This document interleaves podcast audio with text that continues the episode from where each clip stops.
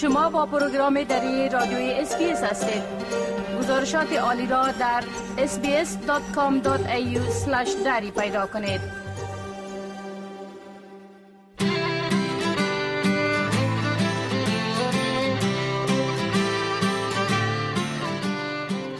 به مجموعه گزارش های معلوماتی زندگی در استرالیا خوش آمدید. من مجیب منیب هستم. این گزارش ها به شما کمک می کند تا در استرالیا به خوبی ساکن شوید و احساس بودن در خانه خود را بکنید. برای افرادی که تازه وارد استرالیا می شوند تامین مسکن بخش مهم عملی اسکانشان می باشد در این گزارش می توانید درباره چگونگی به کرایه گرفتن یا خرید منزل در استرالیا و همچنان حقوق شما به عنوان کرایه نشینان معلومات بشنوید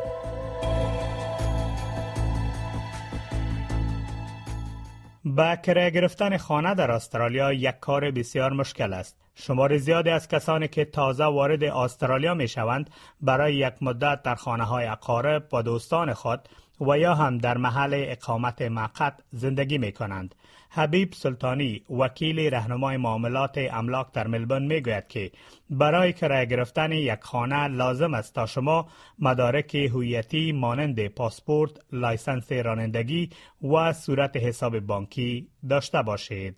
ما bank statement ش می‌خوایم rental ledger ش می‌خوایم دیگه اونم ID ش می‌خوایم که مثلا driver license باشه یا که پاسپورتش باشه اینمی چیزا می‌خوایم باز پیش صاحب خانه ما بریم صاحب خانه چی نگاه نکنه که مثلا اینا آدمایی درست حسابی است که ما برش چی کرایه بدیم یا نه. آقای سلطانی می‌گوید کسانی که به تازگی وارد استرالیا شدند و مدارک هویتی مانند پاسپورت و license رانندگی ندارند بسیار مشکل است تا خانه پیدا شود.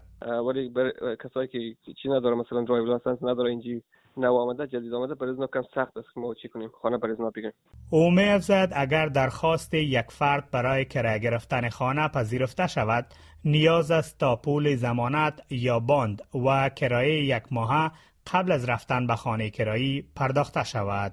اگر قبول شد برای خانه برای اجاره که مثلا خانه را اجاره بگیره دیگه bond میگه اونم bond کسته ما چیز اون کرایه یک ماه دیگه پول پیش باید بیده اونو bond میشه. باز امو کرایه که مثلا یک ماه اونم باید بیده. اونو اولی باید بیده bond رو کرایه یک ماه رو باید بیده.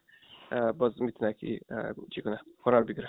کسانی که تازه وارد استرالیا می شوند و یک خانه را به کرایه می گیرند یک سلسله حقوق و مسئولیت های اساسی در این کشور دارند. با وجود این که قوانین کرایه گرفتن خانه در ایالت ها و قلمروهای استرالیا با یکدیگر متفاوت است اما حقوق و مسئولیت های کرایه نشینان در تمام نقاط کشور یکسان است. گزارش ها نشان می دهد که بسیاری از کرایه نشینان مشکلات و تبعیض را تجربه می کنند به خصوص کسانی که تازه وارد استرالیا می شوند و در وقت کرایه گرفتن منازل از تبعیض و سوء استفاده آسیب پذیرتر می باشند. آقای سلطانی می گوید شخصی که خانه را به کرایه می گیرد مسئولیت دارد تا از خانه به خوبی مراقبت کند. همان طوری که شخص از خانه خود مراقبت می کند.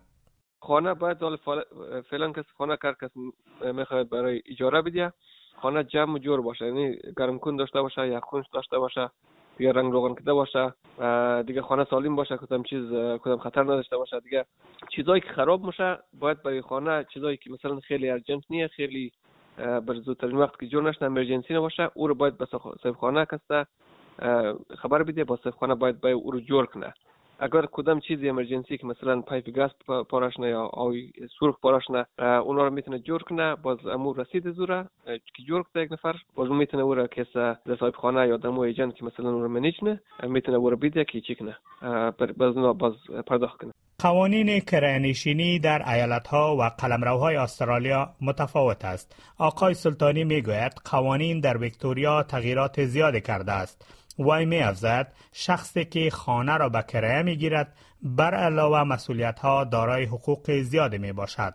آقای سلطانی می گوید کسانی که خانه را به کرایه می دهند باید خانه در وضعیت خوب باشد و اگر مشکل در خانه پیدا شود مسئولیت صاحب خانه است تا آن را حل سازد.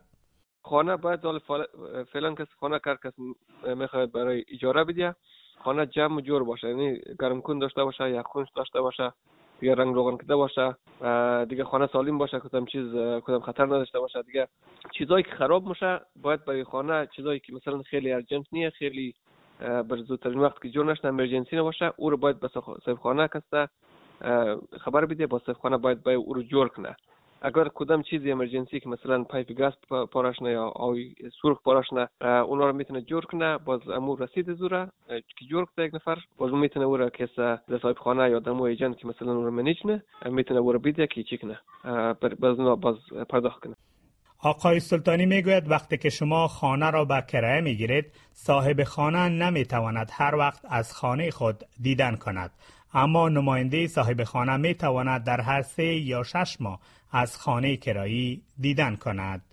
ولی قانون ها کسته کلا چی شده؟ بدل شده. یعنی یک چنین کسته رایت بسیار زیاد داره مثلا در چیز مقابلی صاحب خانه صاحب خانه نمی‌تونه که صاحب خانه نمی‌تونه هر وقت دلش باشه بیا خانه رو ببینه.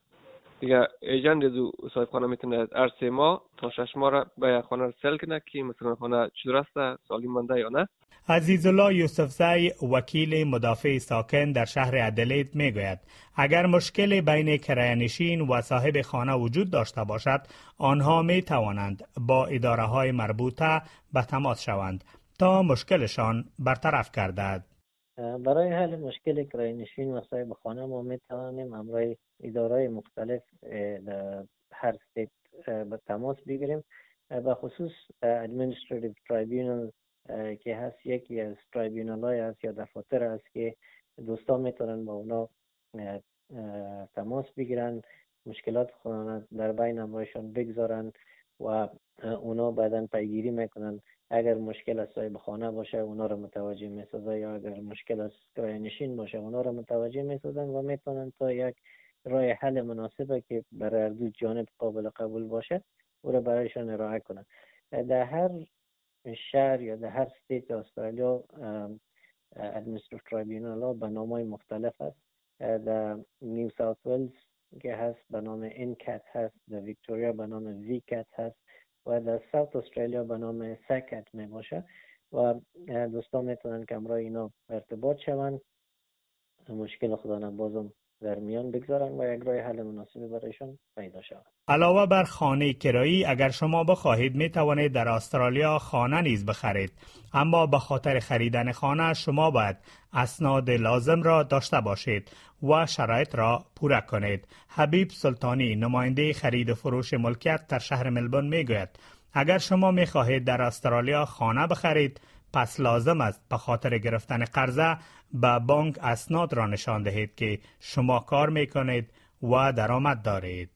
خرید خانه باید از سه ماه تا شش ماه باید کار کنید درآمد داشته باشی برای بانک که شما می‌خواین برین برای اونا که می‌خواین وام بگیرین loan بگیرین باید برای اونا نشان بدین که شما اینجا درآمد دارین از سه ماه تا شش ماه اینجا درآمد داشته باشین payslip داشته باشین از یک جای کار دائمی دی شما payslip tax return داشته باشین می‌تونین به بانک برین apply کنین برای وام و loan آقای سلطانی می‌گوید کسانی که ویزاهای دائمی ندارند برای آنها شرایط خریدن خانه دشوار است. دیگه ایرم ایرم براتون بگیم که کسایی که ویزه دائمی داره کسایی که citizenship داره اینا خوب اونمو چیزای نرمال هسته. کسایی که bridging visa باز اینا کم دچار مشکل میشه بخاطر اینا کس باید duty یا tax زیادتر بیده باز دو کسا قانونا فرق کنه برای کسایی که ویزه دائمی نداره اگر شما در استرالیا نمی توانید از یک بانک قرض بگیرید می توانید با کمک یک کارگزار قرضه مسکن یا مورگج بروکر قرض خانه بگیرید. در این باره آقای سلطانی می گوید رقم رقم بروکر است. کارام قانونی میشه. کار قانونی پیش بره. دیگه می‌تونه بروکر یک بروکر خوب باشه که مثلا بفهمه که اینا چی چی داره شرایط زیاد چی هست می‌تونه که لون بگیره با چی کنه عزیز الله یوسف زی وکیل مدافع ساکن در شهر ادلید می گوید در هنگام خرید خانه مهم است تا خریدار خانه اطمینان حاصل کند که تصدیق قرضه را با خود دارد و قبل از امضای قرارداد مشوره حقوقی به دست بیاورد. وقتی که دوستا خانه می‌خرن یا مردم خانه می‌خرن باید متوجه ازی باشن که آیا خانه را که اینا می‌خواین بخرن خریده می‌تونن یعنی از این منظور می است یا آیا که finance از اینا یا قرضی که اینا می‌خواین از بانک بگیرن و مو اندازه می‌تونه باشه یا نمی‌تونه باشه. و می خاطر بهتر شمی است قبل از اینکه اینا می‌خواین خانه بخرن اول از بانک قرضی خودانه مطمئن شوند که اونا می‌تونن بخرن بعد از او خانه را آفر بتن. به خاطر از اینکه وقتی که ما خانه را آفر میتیم قرارداد امضا می‌کنیم بعد شرایط بسیار کم است که در وقت ما می‌تونیم از قرارداد بیرون شویم. و حتی بعض وقتا امکان از هم هست که برای ما پنالتی یا که جریمه سنگین در داخل قرارداد باشه که به او خاطر باز ما پول هنگفت را از دست بتیم آقای یوسف زی به این باور است که مشکلات در خرید خانه نسبت به فروش آن بیشتر است چون قرارداد خانه مطابق خواست فروشنده ترتیب می شود. خانه خریدن یکی از حساب significant investment است که ما می‌کنیم یا یکی از قراردادهایی است که ما در داخلش پای می‌گذاریم. بسیار مهم می باشه در زندگی ما. و می خاطر مهم است که یک مشوره حقوقی یا از پیش آدم مشوره بگیره که آیا همین قراردادی که ما در داخلش امضا می‌کنم این قرارداد خوب است یا نیست. به خاطر از اینکه بعضی اوقات در داخل قراردادها چیزای گنجانیده شده می باشه که دوستان متوجه از اون نمیشن.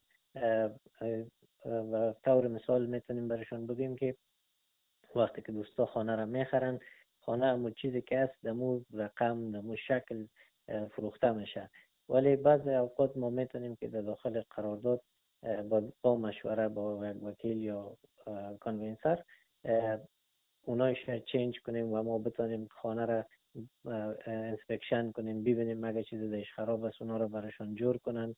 و بعضی چیزهای دیگه هم مثل همین رقم که می‌تونه در ضررشون باشه اینا همگیش می‌تونن که اینا رو حل بسازن. یک دومی که بعد از اینکه ما قرارداد امضا می‌کنیم مسائل حقوقی دیگه هم هست مثل stamp duty شد land tax شد و بعضی چیزهای دیگه که بسیار ضرور است در وقت خرید خانه. اینا را همگیش یک وکیل یا کنونسر می‌تونه که برای مردم بهتر تشریح بده. علاوه بر خانه های شخصی و کرایی تعداد کمی از مردم در خانه های دولتی نیز زندگی می کنند.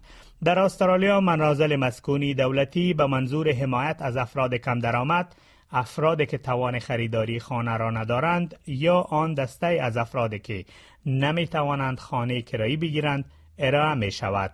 کیت جیکوبز به حیث استاد در پهنتون تزمانیا وظیفه انجام می دهد. او می گوید که بسیاری مردم توان سکونت در خانه های خوب را ندارند و با مشکلات روبرو هستند.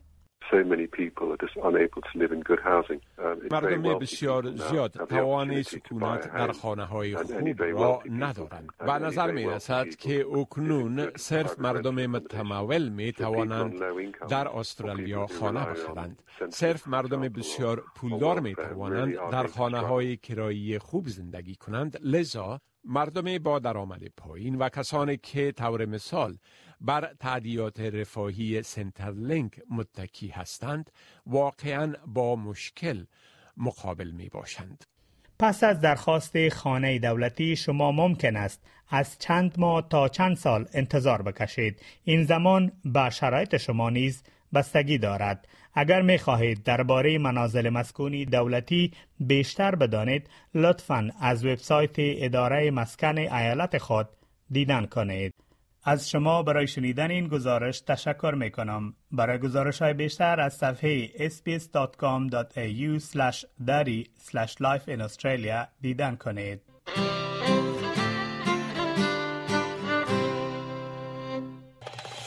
بپسندید، شریک سازید و نظر دهید. اسپیس دری را در فیسبوک تعقیب کنید.